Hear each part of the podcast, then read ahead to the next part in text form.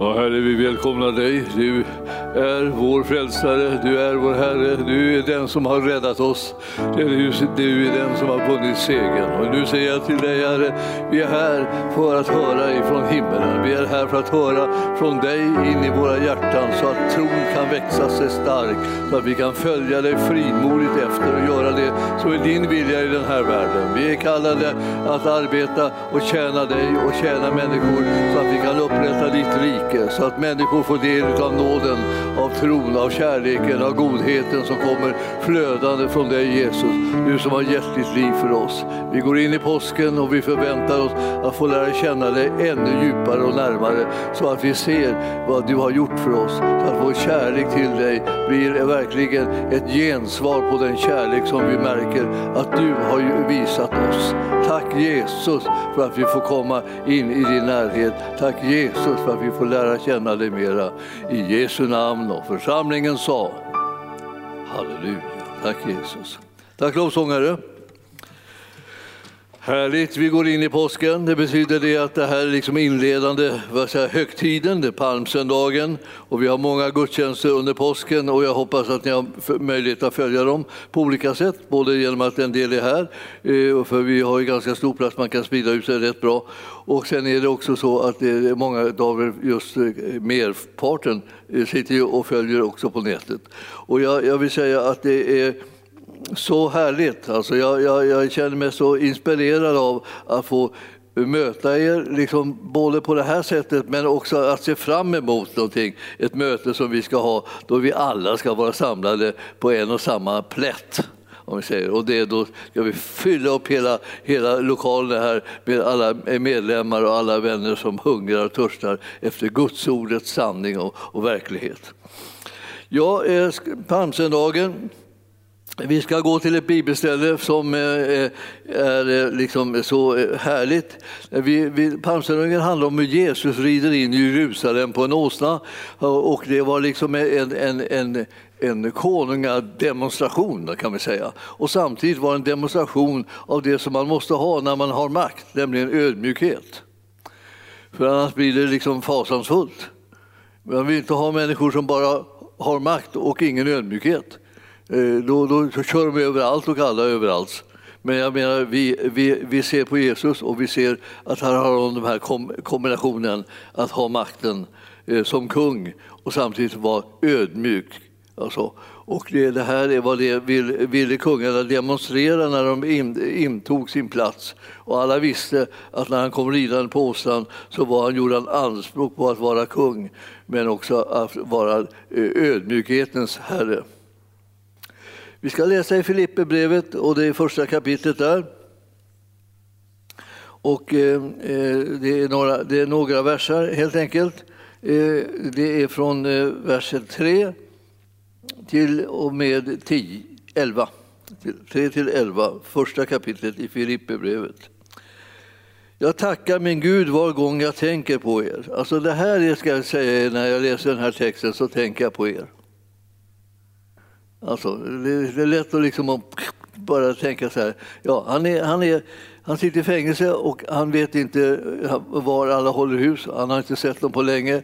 Och, eh, och det är så här, vem kan inte identifiera sig med det i den här tiden man, man ser, man, man har inte sett varandra. Men så ändå, då, jag tackar Gud var gång jag tänker på er. Så ofta jag ber för er alla så gör jag det alltid med glädje eftersom ni har varit med i arbetet för evangelium från första dagen ända tills nu. Och det finns ju sådana som bland oss som har varit med från första begynnelsen ända tills nu. Ja, det, det, det är ju häpnadsväckande. Jag är övertygad om att han som har börjat ett gott verk i er också ska fullborda det intill Kristi Jesu dag. Alltså det är som alltså, när man läser vissa bibeltexter så är det som att man bara får orden bara läggs på ens mun och ens tunga och man säger, tänker jaha, precis, jag säger, får, får säga precis det, samma sak eh, till den församling som jag är herde över. Som eh, Paulus när han skriver får säga till alla dem som han har fört samman i Guds rike och talar nu till dem genom det här brevet. Det är inte mer än rätt att jag tänker så om er alla, ty jag har er i mitt hjärta både när jag bär bojor och när jag försvarar och befäster evangeliet delar ni allesammans nåden med mig, säger han. Och så säger jag också. Alltså, ja, Gud är mitt vittne och att jag längtar efter er alla av hela mitt hjärta i Kristus Jesus. Det är min bön, eh, alltså att kär, er kärlek mer och mer ska överflöda och leda er fram till insikt och klart omdöme så att ni kan avgöra vad som är rätt och vara rena och fläckfria på Kristi dag rika på rättfärdighetens frukt som Jesus Kristus ger Gud till ära och pris. Vilken bön! Vilken, vilken hjärtats bön, ska jag säga. Alltså, och jag, jag, vill att du ska känna dig träffad av den. Eh, både från Herren Jesus Kristus själv, men också från Paulus, men också från mig. Alltså. Eh, det, det, eh, det, är, det är allihopa vårt bönämne. Det är jättekonstigt att bönen har liksom blivit på något sätt lite mer levande och verksam så här när man har fått leva liksom i, i fattigdom på gemenskap alltså och att möta och se de som hör, man hör samman med och som man samarbetar med för att göra Herrens vilja, alltså lemmarna i Kristi kropp. Vi allihopa som är sådana här lemmar som tror och, och har överlåtit sig liksom till församlingen och kanske är på väg att överlåta sig till församlingen. Alltså alla vi, vi behöver ju liksom komma samman så vi ber om att det snart ska förändras så att vi snart får möjligheter att se varandra och känna att ja, vi är inte få, vi är många. Och jag skulle vilja säga egentligen så känns det så här, vi är fler än vi någonsin har varit. För vi, vi, liksom, jag har aldrig varit med om maken så mycket människor det är som ändå eh, sammanlagt tittar och följer mötena. Alltså, vi har aldrig haft så mycket folk som gör det. Och så sitter vi här och känner liksom nästan någonting annat. Men, men det, det, sanningen är den alltså att folk hungrar och törstar efter evangelium mer än någonsin. Och vi är så, eh, alltså, så välsignade att vi kan dela evangelium med människor. Gå rakt på sak, säg precis som det är, nämligen att Gud har så älskat världen att han sänt sin egen son och han har kommit och dött för dem av kärlek till dem. Så vårt budskap är kärlek till människor. Vårt budskap är inte bedömningar eller domar över dem. Eller någonting sånt vårt, vårt, vårt budskap är att kärleken från Gud är liksom det som människorna behöver veta. Ibland så vet de inte liksom hurdan Gud är. De tror att han håller på att jaga dem på något vis och de försöker komma undan. Men i själva verket så är han ju den som älskar oss allihopa. Fastän vi är som vi är. Han älskar inte vad vi är, allt i all, vad vi gör. Men han älskar oss oavsett vilken situation och vilken mognadsgrad vi har och var, var, hur långt vi har kommit på vägen och alltihopa. Han älskar oss. Han älskar även de som är syndare förstås. Vad skulle han annars sträcka sig ut efter dem för? Om han inte älskar dem. Men han vill hjälpa dem, han vill befria dem, han vill förvandla dem, han vill, han vill ge dem kraft, han vill ge dem utvägar, han vill ge dem bönesvar när de börjar bedja i linje med hans underbara löften och, och goda ord till oss människor. Alltså när man tänker så här, vilken, vilken, vilken härlig önskan. Alltså. Min bön är att er kärlek mer och mer ska överflöda Alltså vad ska vi bli kända för? Vi måste ju bli kända för det som Herren är känd för, nämligen att älska människor. Det är, liksom, eh, det är en utmaning. Hur, varför, hur, ska du kunna älska människor? Hur ska jag kunna göra det? Ja, det det är därför att han först har älskat oss. Annars har vi ingen chans. Om du har kommit på att han älskat dig först. Du hann inte älska honom först, han, han, han älskar dig först. Och sen lossnar din kärlek så att du kan liksom ha råd att älska andra. Det är där vi, det är där vi befinner oss. Och så bönen är att kärleken mer och mer ska överflöda. Den ska leda fram till, till alltså insikt och klart omdöme. Vem skulle inte vilja ha en, en liten dos av det? Det är bara att sträcka sig efter det. Saken är redan given. Så att vi kan avgöra vad som är rätt och vara rena och fläckfria på Kristi dag. Rika på rättfärdighetens frukt som Jesus Kristus ger, Gud till ära och pris. Alltså, det, vi har ett liv som att hämta. Och när vi vänder oss till Herren så börjar han ge oss del i det här livet som han har förberett för oss, det som han har vunnit för oss. Allt sammans är fullkomligt gratis. En nåd och kärlek från Gud till oss människor. Så att alla som bara hör det jag säger, eh, till dig eh, erbjuder han en kärlek som, som förvandlar ditt liv. Det, det, det, det här är underbart. Och ni vet när jag läser det här, hände någonting med mig som jag inte har hänt på länge, på länge nämligen jag kom på en bön som jag har bett för när jag var yngre. Jag bad den i åratal, varenda dag. Jag tyckte det var den bästa bön jag någonsin har hittat. Och det är så, så jag tänkte, hur var det med den där bönen? För det var länge sedan som jag använde den och bad den bönen. För den, den var en bön som jag kunde stämma in i och säga ja, amen, det är precis det här jag vill be. Precis det här vill jag göra. Och jag tänkte, alltså, så jag slog upp den. Du vet att i, i normalt fall brukar jag inte rekommendera folk att, eh, att, eh, att använda läs, läs, eh, skrivna böner och bara läsa upp dem. Men jag menar att man ska be den här bönen vill säga, från hjärtat därför att den, den stämmer med människors innersta längtan. Och den är skriven av en, en, en sån här fullkomligt världsberömd kristen personlighet.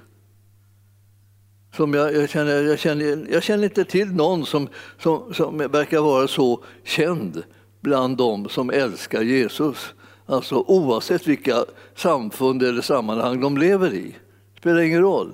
När de stöter på den här bönen så känner de oh, det är min, min bön också, det blir också min bön. Och den här bönen, alltså, det är den, alltså, den här jättekända bönen, eh, alltså Franciscusbönen. Ofullkomligt enastående, härlig bön. Och det här är en bön om att jag ska bli lik Jesus.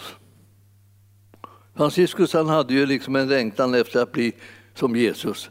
Han, ville, han lämnade allt som annat som i den här världen som bara begränsade honom. Ja, han, han var radikal så, så det dånade om det. Så.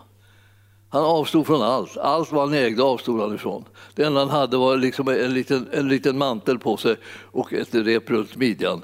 Och så gick han. Och så kände han, jag är fri. Jag är fri. Alltså. Han hade stora rikedomar, han hade mycket arv och allt möjligt. Han lämnade allt. Alltså han, han, alltså han behövde göra liksom ett radikalt steg. Det är inte alla som behöver göra lika radikala steg som det där. Men alltid är det något som man behöver liksom på något sätt bara bryta upp ifrån och gå ifrån det bara. Man bara lämnar det för att nu, jag, jag måste följa Jesus. Så här ber han. Och så här kan vi be. Så den bönen blir, som jag läser nu blir en bön om det här. För dig och för mig. Och så här går den. Herre, Gör mig till ett redskap för din frid. Låt mig bringa kärlek där hat råder. Låt mig bringa förlåtelse där orätt har begåtts. Låt mig skapa endräkt där tvedräkt råder. Låt mig bringa tro där tvivel råder. Låt mig bringa sanning där villfarelse råder. Låt mig bringa glädje där sorg och bedrövelser härskar. O Mästare, låt mig inte så mycket söka att bli tröstad som att trösta. Inte så mycket söka att bli förstådd som att förstå. Inte så mycket att bli älskad som att älska. Ty det är genom att ge som man får. Det är genom att glömma sig själv som man finner sig själv. Det är genom att förlåta som man blir förlåten. Det är genom att dö som man uppstår till evigt liv genom Jesus Kristus, min frälsare och Herre. Amen. Visst är den enastående? Va? Man, man, man känner att wow. Och jag, när, när jag stötte på den här första gången, alltså jag bara, bara in, tog den va? och grep tag i den och, och bad den var eviga dag. Alltså med, med en, liksom en, en, tro och en förhoppning att någon gång liksom bli liksom genomsyrad av bönesvaret på den här bönen i mitt eget liv. Och det här kallar vi för, för alltså, längtan efter helgelse. Varför kommer det en längtan efter att helgas egentligen? Ja, den kommer därför att vi har mött honom som har gett sitt liv för oss. Hans död, hans kärlek, hans fantastiska gåva till oss av nåd. Alltså det gör att vi ska vilja Oh, vi ska kunna vara som han och följa honom och ära honom med våra liv. Alltså det, är det, som, det finns liksom ingen hejd på det. Och det, så den här bönen, alltså, man, man blir också förälskad i bönen. Alltså, det är inte många böner. Jag har läst alla möjliga böner som folk har skrivit och skrivit och skrivit. Och massor med böner. Kanske en strof här och en liten strof där kan man tycka liksom, oh, det, det, kan man liksom känna att man det formulerar vad man har i hjärtat. Men den här bönen, alltså eh, hela bönen är liksom min. Och hela bönen är säkert också din när du hörde den. För visst är den underbar? Alltså. Det är viktigt med att bedja personliga böner också. Men det är också viktigt ibland att kunna säga, men den här är ju min personliga bön. Jag känner igen den. Och därför så använder jag den. Och nu har jag inte använt den på, att säga, på decennier. Men, men jag kände att jag kan inte motstå den. När den liksom plötsligt dök upp så här. Eh, och så, eh, på den där tiden kunde jag den här utan till. Nu, nu kan jag inte det längre, men, men den kan komma tillbaka med liksom lite användning. Målet är inte att kunna den utan till, utan målet är att kunna bli ett med den. Så att man kan bedja så, så att Jesus kan få rum i ens liv. Vi vill bli som han. Han är helt underbar. Han är helt fantastisk. Ingen är som Jesus. Men han vill vara vår och han vill sätta sin prägel på våra liv så att vi blir lika honom i både stort och smått. Ja, det var den där alltså. Jag tänkte bara, jag måste bara, jag måste bara liksom dela med mig av det där till er. För att det är något ljuvligt med det här med, med en sån där bön kan vara sån, oavsett var den kommer ifrån för sammanhang. Jag menar, det, det fanns inte många sammanhang att välja på om vi säger på den här tiden när han levde. Han levde på 1100-1200-talet sådär där han, Franciscus var, var eh, det fanns inte så jättemånga liksom, riktningar hit och dit eh, eh, som man kunde vara med på. Utan det var i stort sett katolicismen, det var ju liksom kyrkan det. Eh, och så fanns det en, eh, en, en östlig kyrka också. Men alltså, det, var inte, det, var, det var inte mycket att välja på. Alltså, bodde man på, någonstans i, i väst då, så hamnade man liksom i den katolska kyrkan. Men den här mannen han liksom bröt upp också från den kyrkan och sa jag vill inte vara med i det. Den, den, den drunknar av ägodelar. Man kan inte leva där, man kan inte andas. Så han, han bröt upp. Och jag känner det att när Jesus kommer och eh, så kommer han och gör någonting alldeles enastående, skakande och oerhört jobbigt. Eh, när vi ska läsa om honom i kapitel 12 i Johannes evangelium.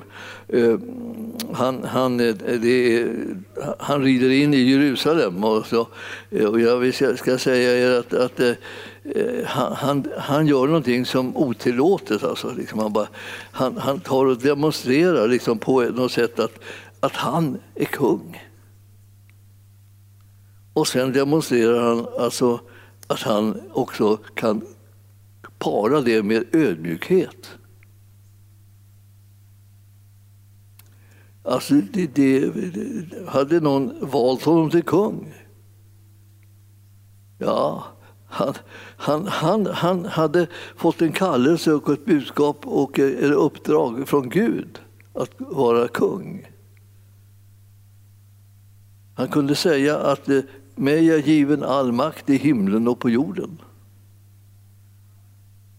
Och så kunde han sända människor ut med budskapet.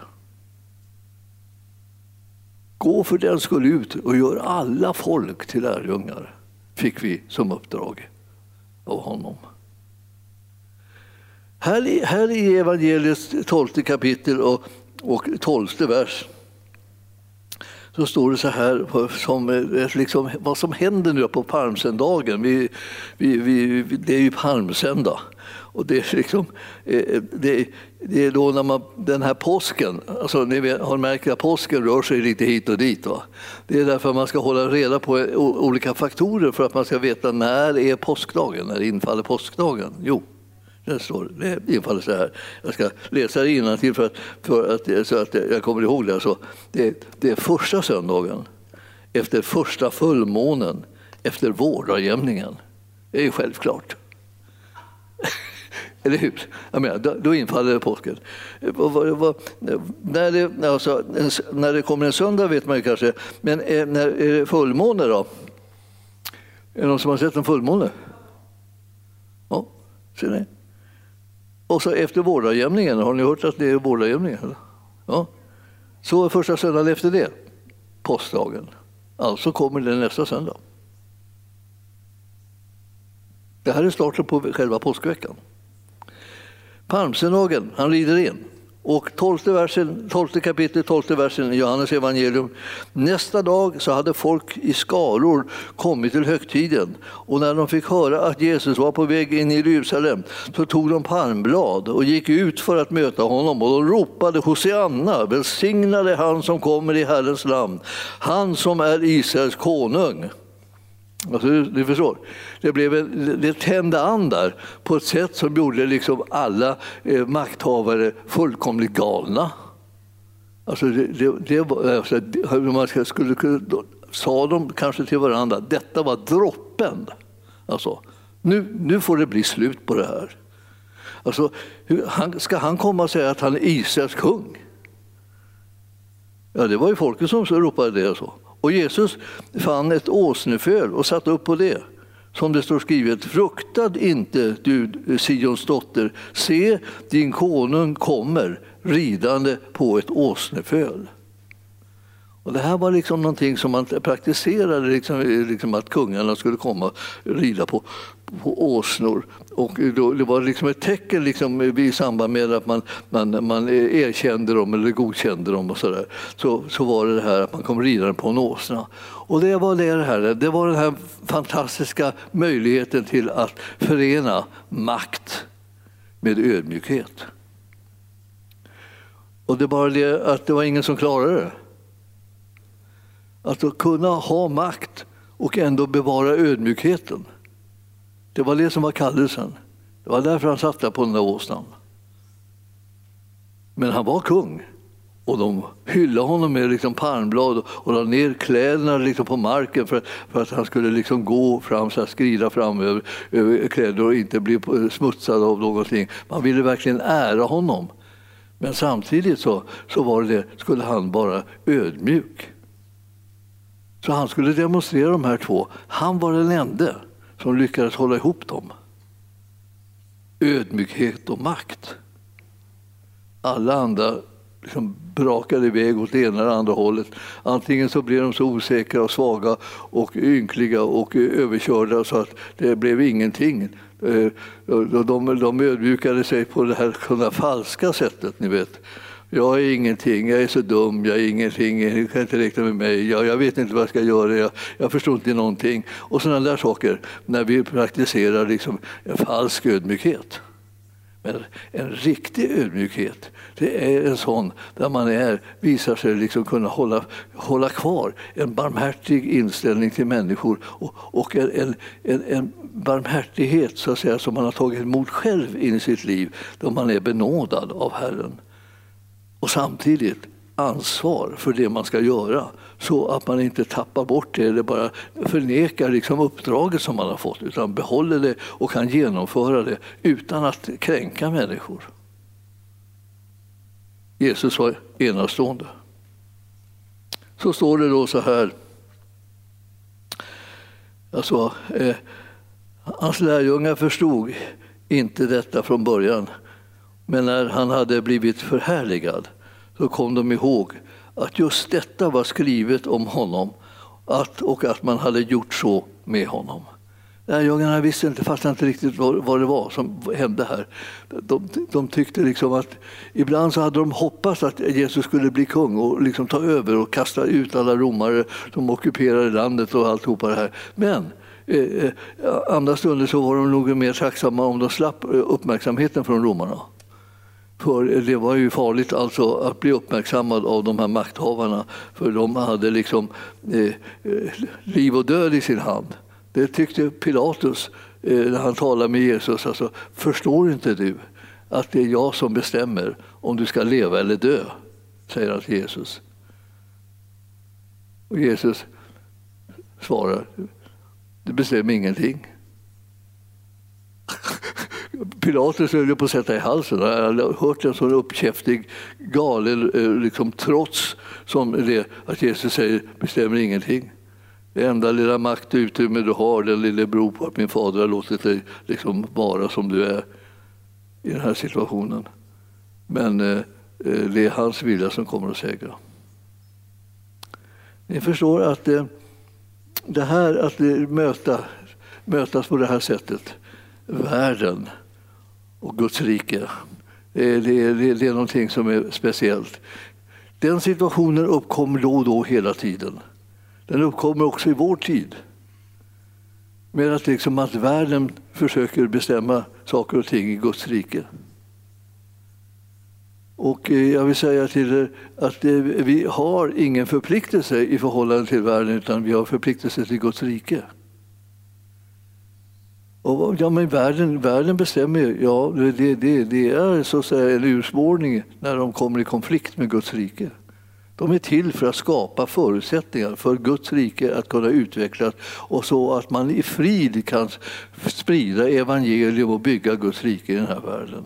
Det är, det är vad makthavarna har för uppdrag.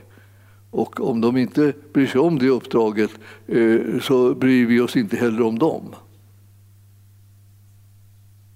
Och ni tänker så här, så där kan man väl inte säga? Nej, jag tror inte alltså liksom vem som helst kan säga det. Liksom så, utan men men det, är, det är viktigt att det finns någon som säger det. Guds rike är ju vår eh, prioritering. Vi vet om det allesammans. Det är inte, det är inte världen som vi ska göra, vara till lags utan det är Herren Jesus som vi ska vara till lags. När vi är det så är vi en välsignelse för världen skulle jag vilja säga. Så det är inte så att det är något uppror. Utan det är bara det att vi väljer att vara en välsignelse för världen genom att vara trogen Jesus Kristus. Jag vill att ni ska förstå att det här, är, det här är sådana här, såna här viktiga ord. Och eh, när det då talas om oss, och det ska jag avsluta grann, lite grann och tala om här nu då. Det handlar ju om helgelse, men vi ska gå till första Petrusbrevet 2. Så eh, där eh, står det om helgelse.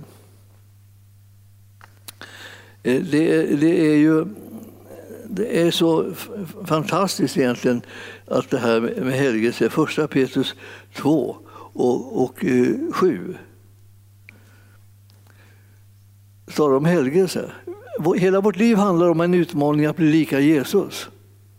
Då kan man inte fråga världen och säga vad, vad tycker ni att vi ska göra? Vilken väg tycker ni att vi ska gå på, ni i världen? Ni som inte tror.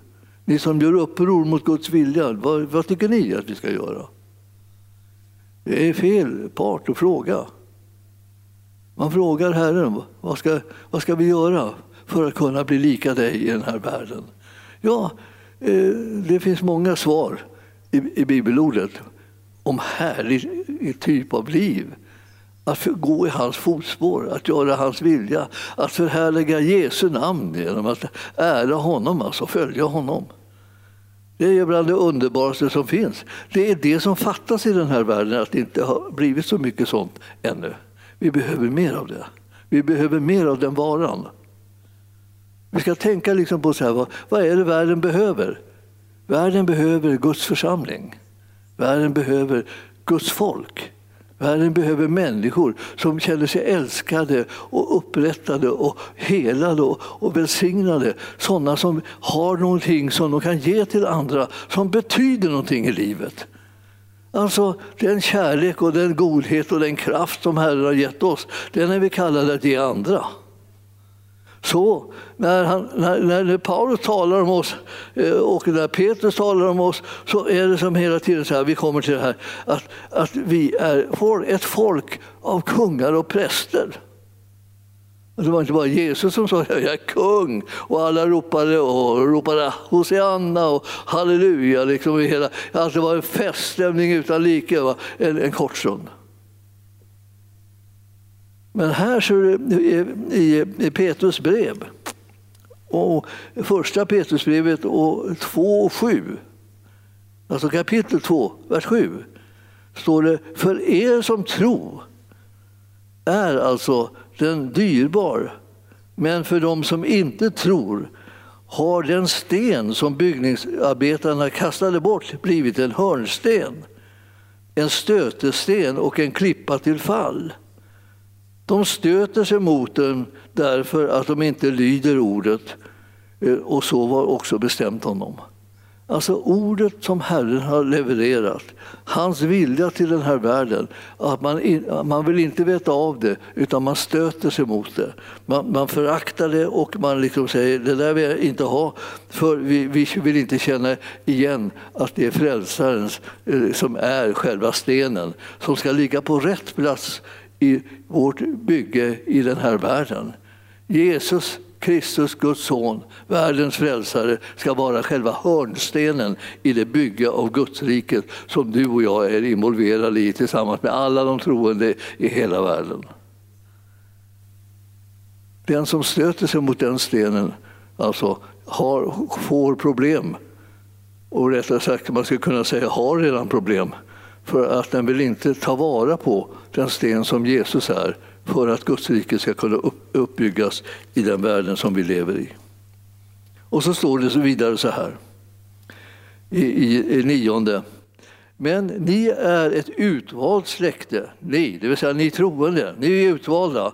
Ni är ett, ett konungsligt prästerskap, alltså ni är kungar och präster. Ni är ett heligt folk, ett Guds eget folk, för att ni ska förkunna hans härliga gärningar. Han som har kallat er från mörker till sitt underbara ljus. Ni ser där vad uppdraget är. Vi är kungar och präster, Varför, vad ska vi vara det för? Därför att vi ska förkunna om hans väldiga gärningar. Alltså om frälsningen som han har berättat oss, att han har gett sitt liv för att vi ska kunna leva. Han dör och vi lever.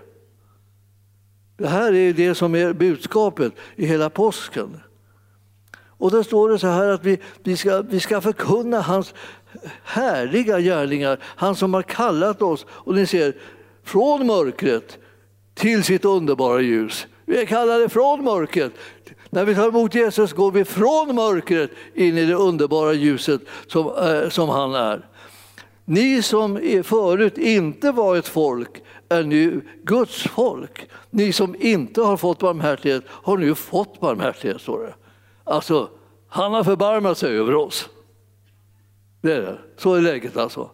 Så att vi kan vara med och bygga upp Guds rike, Guds församling, Genom att vi är stenar i det här bygget, det är som ett tempelbygge. Det brukar Bibeln tala om. Det är tempelbygget. Du och jag är stenar. Vi ska läggas ihop tillsammans med Jesus Kristus och byggas upp till ett härligt tempel. Och hela det templet ska sedan representera Jesus i den här världen så att världen kan bli frälst.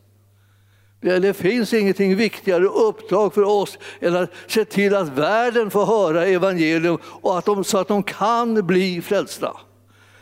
Det är alldeles gratis att bli frälst. Men det måste till att någon vågar förkunna något. Någon vågar säga något om den frälsning som Jesus har berättat. Att de inte bara går omkring och liksom känner sig störd och, och, eller tycker att det är pinsamt och, och inte vågar säga någonting och, och, nämna vilken frälsare vi har och vad han har gjort. Det är inget pinsamt med det alls, det är bara härligt. Bibelordet ger instruktioner om hur du ska se på saker. Du ska se på saker som att det här är en härlighet utan like som vi har fått allesammans. Var stolta över Jesus i den här världen så ska ni få se att världen kommer också hungra efter att bli delaktig av honom som har vunnit en sån fantastisk seger och som har älskat oss så, så att han inte har dragit sig undan ens döden för vår räkning. Vilken Herre vi har, vilken konung, vilken glädje som det finns i det där. Man, man känner ju liksom att det här det här är så fantastiskt. Och när, om Jesus åker, kom, åker in, åker, åker in, åker, rider in på en åsna och, och, och demonstrerar liksom sin, sin makt och, och, sin härlighet så, så ska vi komma ihåg att då vänder han sig liksom sen till oss och säger till oss, ni är kungar och präster. Eftersom ni kommer så att säga, i mitt släptåg så kommer ni allihopa och ni har blivit kungar och präster. För vad är det ska göra då? Ja, ni ska inte härja. Ni, ni, ska komma och välsigna folket. Ni ska komma med härligheten och kraften och glädjen och möjligheterna till varje människa. Det finns en frälsning, det finns förlåtelse för synd, det finns upprättelse, det finns helande, det finns makt att göra någon skillnad i den här världen. Man kan ändra på saker och ting. Man behöver inte ge upp och man behöver inte vara förtvivlad och man behöver inte tänka det går ingenting. För allt är möjligt för den som tror. Vi har, en, vi, har, vi har en frälsningserbjudan som är helt sagolik genom att den bara liksom säger liksom allt är möjligt. Han säger, jag har tagit på mig hela straffet för all synd, inklusive din. Och du, du som tror på mig, du är försonad med Gud. Så att eh, härligheten och livet så att säga, kan flöda in i, i ditt liv och förvandla hela din livssituation. Gå inte och tänk liksom att det här nej, det är omöjligt och jag har försökt så länge. Och så här. Det handlar inte ett dugg om vad, vad, du har försökt, det handlar om vad han har gjort. Han har gjort det. Han älskar dig så, så han, han, han har inte dragit sig undan döden. Han har, han har frälst dig så att du inte behöver gå omkring och tänka vad ska jag göra nu för att jag ska bli frälst?